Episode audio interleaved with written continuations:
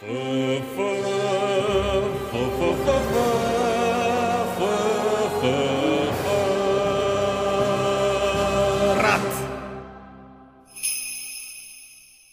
Geçenlerde bilgisayarın başında uyuyakalmışım. Monitörden gelen garip seslere uyandım. Ekranda yalnızca bir mesaj vardı. H. Fırat soru işareti. Ben de soru işaretiyle cevapladım. Karşıdaki epey bekledi. Sonra aradığın şeyi bulmana yardım edebilirim yazdı. Nasıl dedim. Geyik dedi. O an kapı çaldı. Gittim delikten baktım. Genç bir kız. Bir etrafa bakıyor, bir camdan dışarı bakıyor. Dedim kesin bunda geyik dövmesi vardır. Belki de başı beladadır diye düşündüm.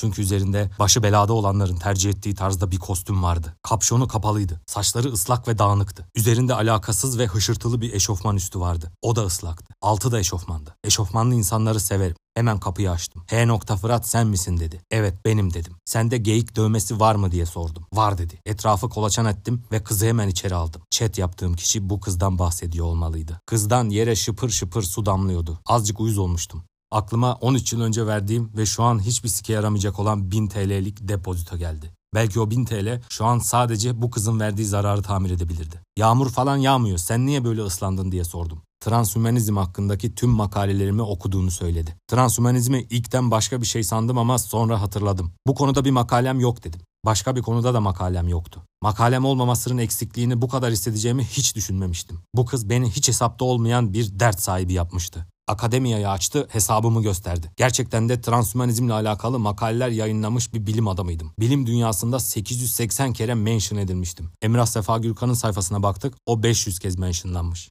Birden kendimle gurur duydum. Demek ki bunlar gerçek olsaydı haftada bir falan televizyonda olacaktım. Hem de para almalı falan. Tüh be dedim. Sonra kıza benim o H. Fırat olmadığımı itiraf ettim. Meğer gerçek H. Fırat çoktan ölmüşmüş. Kız tamamen yıkıldı. Hesap benim de ama ücretsiz pdf indirebilmek için açmıştım. Yoksa benim akademisyen Facebook'unda ne işim olur? Zaten Zuckerberg'i de sevmem. Para vermedik diye Instagram'da videolarımı kimseye göstermiyor. Elon Musk senin de yapacağın işi sikeyim. Geçen gün tweet attım 7 kişi görmüş. Lan oğlum internet bu lan. Camdan bağırsam daha çok kişi duyar. Bu internet siz ıssızlaştırın diye mi kuruldu? Siktiğimin ezikleri.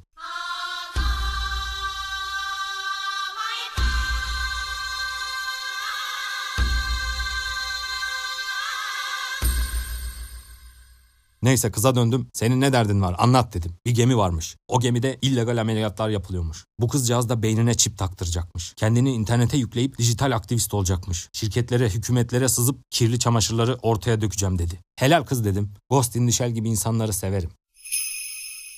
Geminin nerede olduğunu sordum. Bilmiyorum dedi. O zaman Mersin limanına gitmemiz lazım dedim. Muhakkak oradadır. Araban var mı diye sordum. Var dedi. Kaç yaşındasın kız sen diye sordum. 21 dedi. Ulan ben 36 yaşındayım arabam yok. Yürü hadi o zaman gidelim dedim. Şaşırdı. Nasıl yani diye sordu. Ya yürü hadi dedim. Arabayla Mersin'e gittik. Limanın yanındaki parka gittim. Kara kuru gençlerden birini çevirdim. Kardeş bak hele burada böyle robot kol mınçıka falan takan bir gemi varmış dedim. Varoşlarda nunchaku modası asla geçmez. Bruce zamanında nunchakuyu öyle bir sallamıştır ki o hareketler varoşlardaki tüm DNA'larda mutasyona sebep olmuştur. Ortaya bir teknoloji çıkarsa varoşlarda muhakkak onun nunchakulusunu yaparlar. Karakuru genç mınçıkayı duyunca hemen ayıktı. E var abi dedi. Parmağıyla gösterdi. Hemen sahildeki Amatör Balıkçılar Derneği'ne gittik ve küçük bir balıkçı teknesi kiraladık. Gece karanlığında sessizce gemiye vardık. Gemi pis gibiydi. Paslıydı ama müthiş düzenliydi. Adamlar oldukça disiplinli çalışıyorlar. Allah var. Kaydımızı yaptırmak üzere bankoya geçtik. Bir baktık Kaan Sezyum. Oha dedim. Koskoca organizasyonun başında Kaan Sezyum varmış. Yok be oğlum arada part time buraya bakıyorum dedi. Karşılığında kendine efekt aleti taktıracakmış. Böylece 24 saat boyunca bir radyo şovunun içinde yaşayacakmış. Basacakmış kahkahayı, basacakmış davul efektini bakkalın kasabın alnına. Hoşuma gitmişti. Ben de GPS taktırmak istiyordum. Bunu deyince Kaan Sezyum güldü. Çok köşeli bir insansın dedi. Bana kıyana bir de kuyruk ekledi. Allah razı olsun dedim. Bileklerimize barkodlu bileklikler taktılar. İnşallah yanlış bir ameliyat daha geçirmem diye düşündüm. Çünkü bu seferkinin dönüşü olmaz. Yarı insan, yarı robot hemşireler birden etrafımı sardılar ve üzerimi çıkarmaya çalıştılar. İçimde iyi don var mı yok mu emin değildim. Normalde bunu kontrol etmeden yola çıkmam. Çaktırmadan elimle donumun lastiğini kontrol ettim. Kumaş sağlamdı. Lastiğin gerginliği de normal görünüyordu. 3 ay önce aldığım seriden olmalıydı. Kendimi gururla yarı robot hemşirelerin eline teslim ettim. Buyurun soyun dedim. Robotlar beni bir soydu ki anlatamam. Bir anda anadan üryan kalmıştım. O kadar hızlı çevirdiler ki donumu görememişlerdir bile. Hemen yanımda daha büyük ve teknolojik bir sedye vardı. Benimki neredeyse paslıydı. Ulan ne biçim paraları var insanların diye düşündüm. O sedyeye garip tipli ecüş bücüş bir adam getirdiler. Aptal aptal etrafa bakıyordu. Hemşireler koşuşturmaya başladı. Doktorlar geldi. Adamın jaklarına kablolar bağladılar. Aletler acı acı ötmeye başladı. Nabzı çok düşük diye bağırdı hemşirelerden biri. IQ'su da düşüyor. Doktor boncuk boncuk terliyordu. IQ önemli değil dedi. Ben de heyecanlanmıştım. Aynı zamanda korkmuştum da. Hasta bakanlığa uyum sağlayamıyor dedi doktor. Elektroşoku getirin diye bağırdı. Karınca gibi çalışıyorlardı. Kansezyum birden arkamda beliriverdi. 100 lirasına iddia girerim uyum sağlayamayacak dedi. Kansezyum oldu mu şimdi en heyecanlı yerinde diye çıkıştım. Adamın tipinden zaten bakanlığa uyum sağlayamayacağı belliydi. Bunları bulup bulup getiriyorlar. Bakanlık paketi takılıyor. Çoğu uyum sağlayamayıp ölüyor dedi. Ulan hepsi böylese zaten nasıl uyum sağlasın bunlar bakanlığa diye geçirdim içimden. Ben de o yüzden ses etmiyorum dedi Kansezyum. Daha bu bakanlık paketinin çalıştığı hiç olmamış. Sen mi bozuyorsun dedim. Yok dedi. Ama istese bozarmış. Nasıl diye sordum. Yazılımını açıp tüm değerleri 99 yapıyorsun dedi. Kapasitesini arttırınca dedi ve sözü bir çığlık tarafından kesildi. Hemşirelerden biri bakanı kaybediyoruz diye bağırdı. Doktorlar hala bakan beyi kurtarmaya çalışıyorlardı. Kaan Sezyum da keyifle onları izliyordu. Bir anda geminin tepesine göklerden bir yıldırım indi. Her yer bir anlığına karardı. Kıvılcımlar havada uçuşuyordu. Bakan da sedyesinden havalanmıştı. Gözlerinden ışık çıkıyordu. Cumhurbaşkanımızın talimatıyla diye bağırdı bakan ve küt diye sedyeye düştü. Hay sikim dedi Kaan Sezyum. Bakanın değerleri normale dönmüştü. Sonunda mükemmel bakanı yaratmayı başarmışlardı. Korkunç bir şeydi bu. Sinirlenmiştim. Gözlerimin önünden alev almış ceylanlar geçiyordu. Sedyeme tutundum. Kaan Sezyum'la göz göze geldik.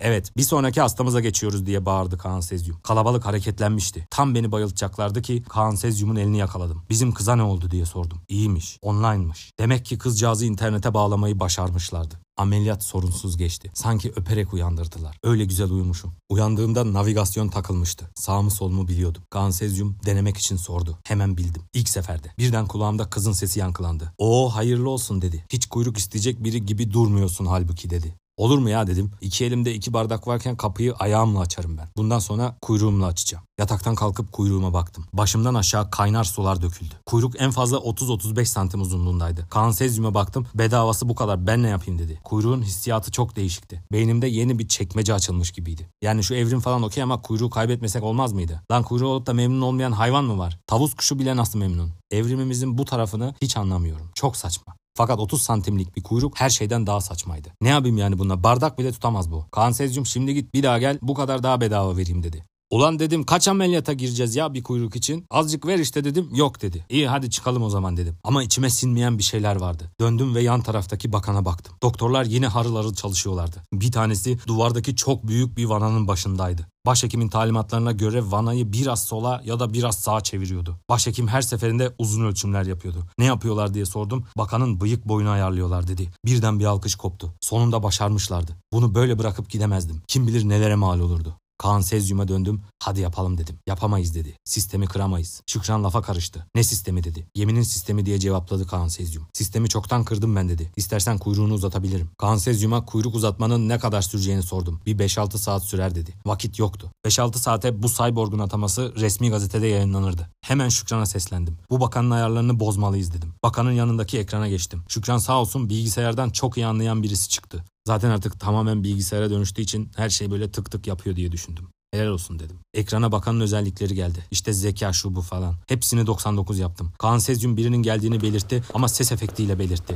Hemen ekranın kenarındaki X'e bastım. Değişiklikleri kaydetmek istiyor musunuz dedi. Tabii ki dedim ve önümdeki monitörün rengini kıstım. Hacker değiliz ama bizim de birkaç yöntemimiz var. İçeriye doktorlar doluşu verdi. Bakanı uyandırıp kontrollerini yapacakmış gibi bir halleri vardı. Bizim yaptığımızı anlayabilirler mi diye fısıldadım Kaan'a. Yok ya dedi. Taburcu olmaya hazırlanıyormuş gibi toparlanmaya başladık. O sırada bakan uyandı. Ne oluyor burada diye çıkıştı doktorlara. Bana dedi ne yaptınız? Bu kamu kaynaklarının boşa harcanması demek değil midir diye bağırdı. Siz kim oluyorsunuz da öksüzün yetimin hakkını kendi koltuk sevdanız için çarçur ediyorsunuz? Bu ülkenin robot bakanlara değil, fikri hür, vicdanı hür siyasetçilere ihtiyacı vardır dedi. Hangi zeka seviyesinden, hangi partiden olursa olsun bir kişi siyasete atılıyorsa bunu memleketin istikbali için yapmalıdır. Bu uğurda kendini feda etmeye hazır olmayan kişilerin siyasete atılmaması gerekmektedir. Adeta bir cumhuriyet cyborgu yaratmıştık. Tüylerim diken diken olmuştu. Kısa bir süre milli mücadele günlerini andım. Böyle durumlarda hep utanırım. Ulan adamlar imparatorluk tepeleyip ülke kurmuş. Senin şu haline bak diye kendimi azarlarım. Kendime biraz fazla yüklenirim ben. Cumhuriyet Cyborg'u hızını alamadı bir de canlı yayın açtı. Bakana çok iyi bir işlemci takmış olmalıydılar. Benim planım da gerçekten işe yaramıştı. Doktorlar bilgisayarın neden açılmadığını anlamadılar. Fişleri kabloları söküp taktılar. Bu esnada Cumhuriyet Cyborg'u gemideki durumu ve milletin nasıl soyulduğunu gözler önüne seriyor, her şeyi tüm dünyaya gösteriyordu. Herkesin telefonları çalıyordu. İçeriye özel güvenlikler doldu. İçlerinden biri dayanamayıp bakanın kafasına copunu indirdi. Biz o esnada yavaş yavaş sıvışmaya başladık. Özel güvenlikler peşimize düştü. Terliklerim kaybolmasın diye hastane yatağının altına sokmuştum. Yatağı azıcık kaldırınca onlar oraya sıkışmış. Onu almaya çalışırken epey zaman kaybettim. O esnada özel güvenliğin biri kuyruğuma yapıştı ve yepyeni kuyruğumu koparttı. Bu organın bana verdiği yetkiye dayanarak kuyruğuna basılan her hayvanın yapacağı gibi yüzünü cırmaladım. Güvenlik kanlar içinde yere yığıldı. Onu öyle görünce içimin yağları eridi. Bir de kafasına tekme attım. Üniversitede öğrenci dövmeye benzemiyormuş değil mi diye bağırdım güvenliğin kulağına. Kaan Sezyum'la beraber güvertede bir yere saklandık. Bir an kulaklarımızda Şükran'ın sesini duyduk. Tam altınızdayım. Atlayın dedi. Biz yodyak bulup teknenin yanına yanaştırmıştı. Kaan Sezyum'la üçe kadar sayıp denize atladık. Kaan Sezyum'un bu kadar uyumlu bir insan olmasını beklemiyordum. Biz denize atlarken bomba düşmesi efekti bile yaptı.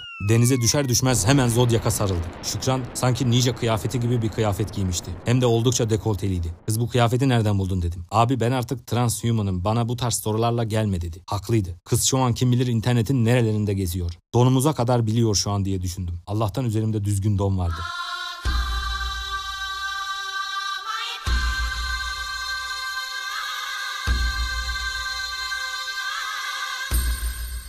Hızla sahile doğru sürdük tekneyi. Arkamızdan kovalıyorlardı ama Şükran'a yetişmeleri mümkün değildi. Hatta büyük bir teknenin arkasına saklandı ve tek bir hareketle teknemizi suya batırıverdi. Adamlar izimizi kaybetmişlerdi. Sessizce sahile yüzdük. Her yer polis kaynıyordu. Benim mahalleye gidelim dedim. Orada bizi bulamazlar. Mahalleye girer girmez kara kuru cyborg gençler tarafından yakalandık. Bizi liderlerine götürdüler. Komşu olduğumuzu, benim de o mahallenin çocuğu olduğunu söyledim. İnanmadılar. Bu esnada Şükran sistemlerine sızmayı başarmıştı. Silahlarını, kollarını, bacaklarını, nunchakularını etkisiz hale getirdi. Serbest kalmıştık. Durun dedim. İnsan gibi konuşalım. Ne güzel dedim burada insan robot iç içe teknolojik bir yaşam kurmuşsunuz. Çetenin lideri Fofo yok abi dedi. Bizim hayatımızı çok zorlaştırdılar. Ben ne insanlığımdan ne robotluğumdan tad alabiliyorum. Fofo istediğim kıvama gelince gemiden bahsettim. Fazla bir güvenlik yok falan dedim. Bu gemiye çökek mi diye sordum. Hakikatle abi dedi. Biz bunu şimdiye kadar niye düşünmedik? Hazırlığa başladık. Bana silahlı bir kuyruk taktılar. İki de uzi aldım. Tam bir ölüm makinesine dönüşmüştüm. O ara Şükran'ın elbisesi yine değişmişti. Taktiksel bir elbise giymişti. Ama yine çok dekolteliydi. Şükran sen niye böyle devamlı kostüm değiştiriyorsun diye sordum. Ya Fırat abi ya dedi. Sahile indik. Şükran bir sürü tekne ayarlamıştı. Sessizce denize açıldık. Arkamda 50 kişilik bir kenar mahalleli cyborg ordusuyla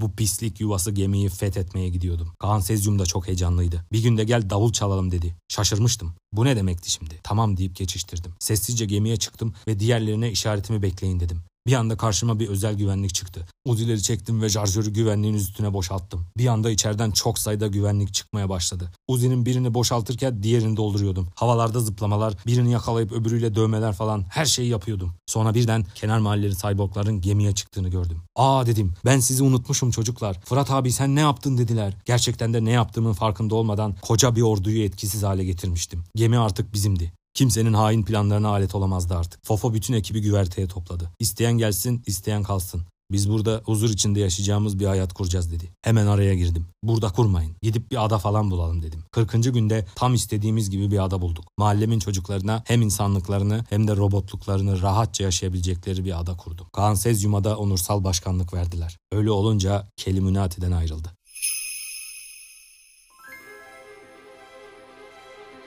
oh oh oh oh